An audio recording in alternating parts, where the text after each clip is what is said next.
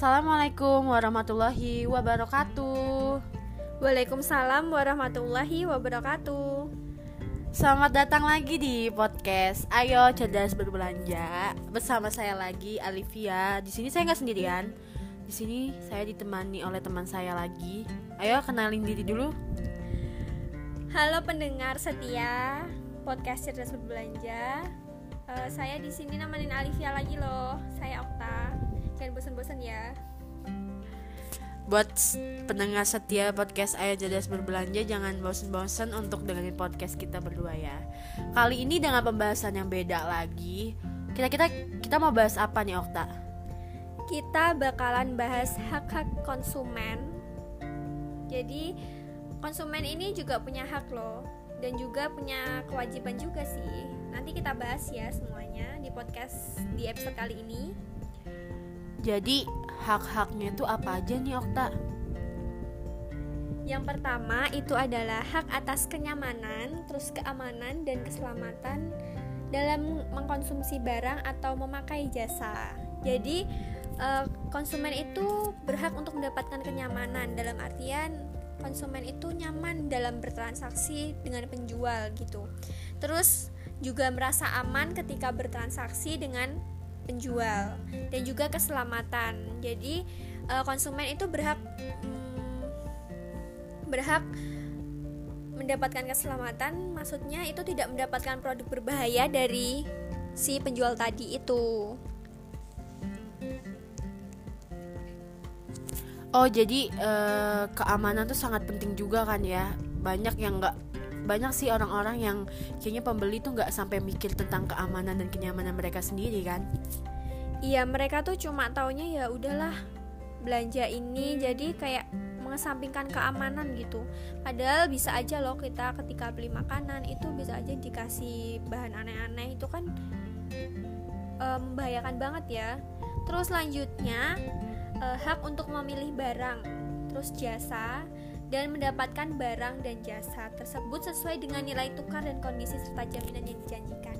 Jadi, konsumen itu berhak buat memilih barang. Jadi, uh, buat para penjual itu nggak berhak ya buat membatasi pembeli. Misal harus pilih produknya yang produk ini aja gitu. Jadi produk yang produk B nggak boleh dipilih, produk cuma boleh beli produk A aja itu nggak boleh ya. Kalau emang nggak boleh dibeli ya jangan dipajang ya. Menurut saya sih gitu. Iya bener banget. Ada online shop kadang yang hanya menjual itu aja tapi kok di katalognya ada. Sedangkan kita mau beli yang itu tapi mereka bilang nggak dijual atau nggak ada. M mungkin kalau udah habis bisa ditulis sold out juga ya kan? Iya menurutku uh, menurutku kalau nggak dijual ya ya udah nggak usah dipajang gitu. Itu kayak membohongi konsumen gitu menurut aku. Terus selanjutnya eh, konsumen juga punya hak atas informasi yang benar jelas dan jujur mengenai kondisi dan jaminan barang atau jasa. Jadi eh, konsumen itu berhak atas informasi. Jadi ketika penjual bilangnya barangnya mulus terus nggak ada lecet itu bener-bener harus mulus beneran nggak boleh ketika kamu bilang uh, mulus lecet padahal sebenarnya barangnya itu rusak gitu itu menyalahi aturan banget ya karena konsumen itu berhak untuk mengetahui kondisi sebenarnya bagaimana sih barang itu gitu. Iya banyak banget uh, akun-akun online yang meng memberikan tahu memberitahu kita ini barang bagus kak. Ba, dijamin mulus. Eh pas dateng lecet lah atau ada yang nggak bener lah ada yang kurang lah. Jadi kayak pelanggan juga merasa tertipu juga kan? Iya bener banget. Jadi buat konsumen nih harus hati-hati banget Harus nanyain informasi Gimana sih jelas dan detailnya kondisi barang itu Karena kalian tuh memiliki hak untuk itu Selanjutnya itu hak untuk didengar pendapat dan keluhannya atas barang dan jasa yang digunain. Jadi konsumen itu misal barang yang sampai itu nggak sesuai dengan gambar, konsumen itu berhak komplain ke penjual. Dan penjual itu harus mendengar pendapat dan keluhannya ya, jangan malah uh, ngatain balik uh, ke si pembeli. Terus malah lebih parahnya tuh diblokir tuh bener-bener gak boleh banget ya. Kita harus pakai etika kita buat berjualan gitu. Bener banget sih dan uh, sebagai konsumen dan sebagai penjual kita juga saling harus menghargai. Sebagai konsumen untuk menyampaikan keluhnya juga dengan apa ya dengan tatak dengan dengan yang baik juga. Jangan menjatuhkan online online shop tersebut sebagai pembeli pun juga harus memberikan feedback yang baik juga. Jangan malah menyalahkan juga. Jadi sebagai konsumen dan pembeli harus saling menghargai. Nah iya bener banget. Selanjutnya kita selanjutnya adalah hak untuk mendapatkan advokasi advokasi perlindungan konsumen secara patuh. Jadi konsumen itu memiliki hak untuk mendapatkan perlindungan hukum dari pengambil kebijakan atau keputusan. Jadi ketika konsumen itu mendapatkan kasus penipuan atau kasus ya kasus penipuan itu konsumen berhak untuk mendapatkan perlindungan hukum dari si pengambil keputusan atau kebijakan itu ya. Selanjutnya adalah hak untuk mendapatkan pembinaan dan pendidikan konsumen. Jadi uh, ini lebih ke edukasi masyarakat gitu ya. Jadi konsumen itu berhak untuk mendapatkan uh, edukasi tentang bagaimana sih cara melapor jika terkena penipuan, gimana sih cara berbelanja yang baik dan benar, gimana sih cara menghindari penipuan kayak begitu deh. Jadi memang uh, hak konsumen itu sangat banyak ya apalagi khususnya edukasi bagaimana cara uh, pembuat kebijakan untuk memberikan edukasi pada kepada para konsumen kan? Iya bener banget. Dan itu nggak semua sih masyarakat kita itu tahu gimana caranya berbelanja yang benar. Itu benar-benar PR banget buat uh, pemerintah khususnya untuk mengedukasi masyarakat kita supaya lebih aware dengan kasus penipuan dan kasus-kasus yang modus-modus penipuan gitu.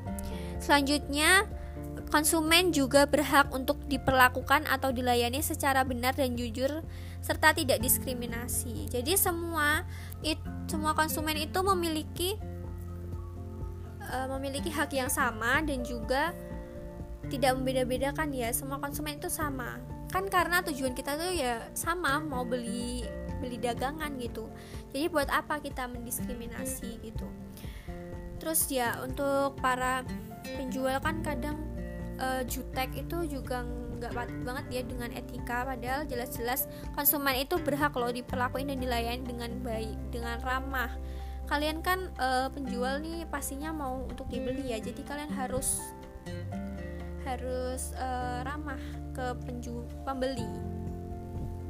Ya, jadi uh, sebagai penjual dan pembeli pun uh, harus sama-sama saling uh, menghargai apalagi sebagai penjual kita kan mendapatkan uh, uang dan juga kita mendapatkan konsumen. Nah, konsumen kita itu nanti bisa menjadi konsumen tetap kalau kita uh, memberikan feedback yang baik, uh, kita memberikan uh, layanan yang baik banget. Jadi bisa jadi nanti konsumen itu memberikan promosi juga ke orang-orang lain.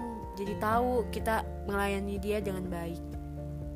Iya, sebenarnya kayak kita tuh bisa dapat banyak manfaat dari konsumen gitu. Selain kita menjual barang ke konsumen, kita juga dapat promosi juga ya. Kayak yang dibilang Alivia tadi kita bisa dapat dari promosi dari mulut ke mulut gitulah ya istilahnya.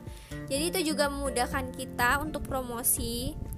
Uh, itu juga menurut aku pribadi itu salah satu privilege kita. Kalau kita bisa melayani pelanggan kita dengan baik gitu. Selanjutnya adalah konsumen juga memiliki hak untuk mendapatkan kompensasi, ganti rugi atau penggantian. Uh, jadi kalau barang yang diterima itu nggak sesuai, rusak atau nggak sesuai dengan gambar itu bisa. Konsumen mendapatkan kompen kompensasi, kompensasi dan ganti rugi dan ganti rugi gitu ya. Jadi kalau buat penjual yang kalau pelanggan kalian minta refund karena nggak sesuai dengan gambar ya kalian harus penuhin. Karena itu juga sebagai hak haknya sebagai konsumen. Jadi wajar ketika mereka minta refund itu ya kalian harus melayani dengan baik dan ramah ya jangan diblok gitu aja. Bener banget. Jadi uh, sebagai penjual pun juga harus memahami hak-hak konsumen. Salah satunya ya, masalah refund tuh masalah yang sering terjadi nggak sih? Banyak banget eh, hal-hal uh, yang uh, bikin kita malas belanja online itu. Karena barang nggak sesuai nggak bisa refund juga kan? Ya ampun uang kita gimana nih gitu. Iya bener banget. Refund tuh kadang tuh uh, penjual itu kalau ada pembeli yang minta refund tuh bener-bener kadang tuh menimbulkan perselisihan ya. Kadang pen, si penjual itu nggak mau ngerefund barang yang dibeli penjual padahal barangnya itu nggak sesuai. Itu uh, menurut aku nggak sesuai banget ya dengan etika bisnis padahal itu tuh sebagai hak konsumen juga. Selanjutnya adalah ke selanjutnya adalah kita akan membahas kewajiban kewajiban konsumen konsumen ini memiliki kewajiban juga ya bukan hanya penjual tapi juga konsumen jadi uh, konsumen wajib membaca atau mengikuti petunjuk informasi atau prosedur pemakaian atau pemanfaat barang dan jasa demi keamanan dan keselamatan. Nah, sebelum kalian membeli barang itu kalian wajib membaca gimana sih petunjuk informasinya? Terus prosedur pemakaiannya gimana? Nah misal kalian gak ngikutin prosedur pemakaiannya nanti kalau barangnya rusak kan ya repot juga penjual dan juga kalian tentunya ya. Ya bener banget. Jadi uh, sebagai konsumen juga kita harus mengetahui nih kewajiban-kewajiban kita apa aja. Ya, salah satunya itu membaca dan mengikuti petunjuk tadi. Selanjutnya yang kedua adalah beritikat baik dalam melakukan transaksi pembelian barang dan jasa. Jadi meskipun katanya orang penju pembeli adalah raja itu tapi ya kita tetap harus um, memiliki etikat baik ya dalam bertransaksi. Jangan mentang-mentang katanya pembeli adalah raja. Kalian tuh seenaknya sendiri ke penjual. Itu juga nggak boleh banget. Penjual kan juga apalagi kalau penjualnya itu udah melayani dengan ramah tapi kalian malah kayak seenaknya sendiri itu benar-benar nggak punya etikat yang baik gitu. Benar banget.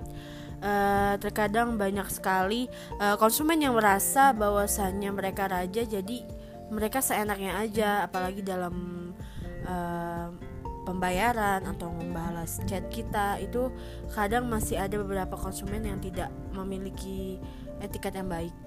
Iya apalagi kadang itu suka marah-marah gitu loh. Kalau misalkan barang yang nggak sesuai itu suka marah-marah kalau membaliin ya. Itu lebih baik kita balikin secara baik-baik ya. Apalagi kalau penjual udah berusaha ramah itu kalian usahain lah. Kalian juga menghargai si penjual. Kecuali si penjual ini bener-bener gak ada etikat baik untuk kembaliin atau nge-refund barang yang kalian beli itu barulah kalian bolehlah marah-marah Selanjutnya adalah membayar sesuai dengan nilai tukar yang disepakati. Nah, kalau pembeli udah nentuin segini ya kalian bayarnya ya segitu gitu. Misal udah beli barang harganya 150 kalian cuma mau bayar 130 itu kan nggak sesuai gitu kalian harus sesuaiin dengan harganya jangan seenaknya sendiri memotong harga itu benar-benar nggak nggak punya etikat gitu uh, dalam bisnis kayak gini atau konsumen dan pembeli itu emang ada ya. Kayak penurunan harga atau courting harga. Tapi sebagai konsumen juga kita harus mikir lah dari harga seberapa jangan diturunin jauh juga. Terus kalau memang sudah disepakati ya disepakati pembayaran seperti itu. Jangan dikurang-kurangin.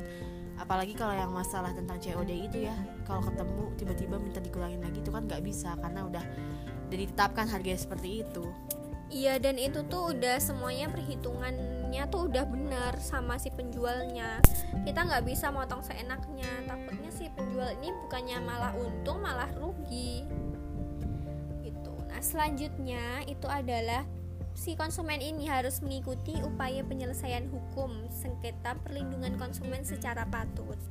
Jadi kalian kalau ada sengketa gitu ya harus mengikuti prosedurnya sebagaimana mestinya. Jangan menyalahi aturan.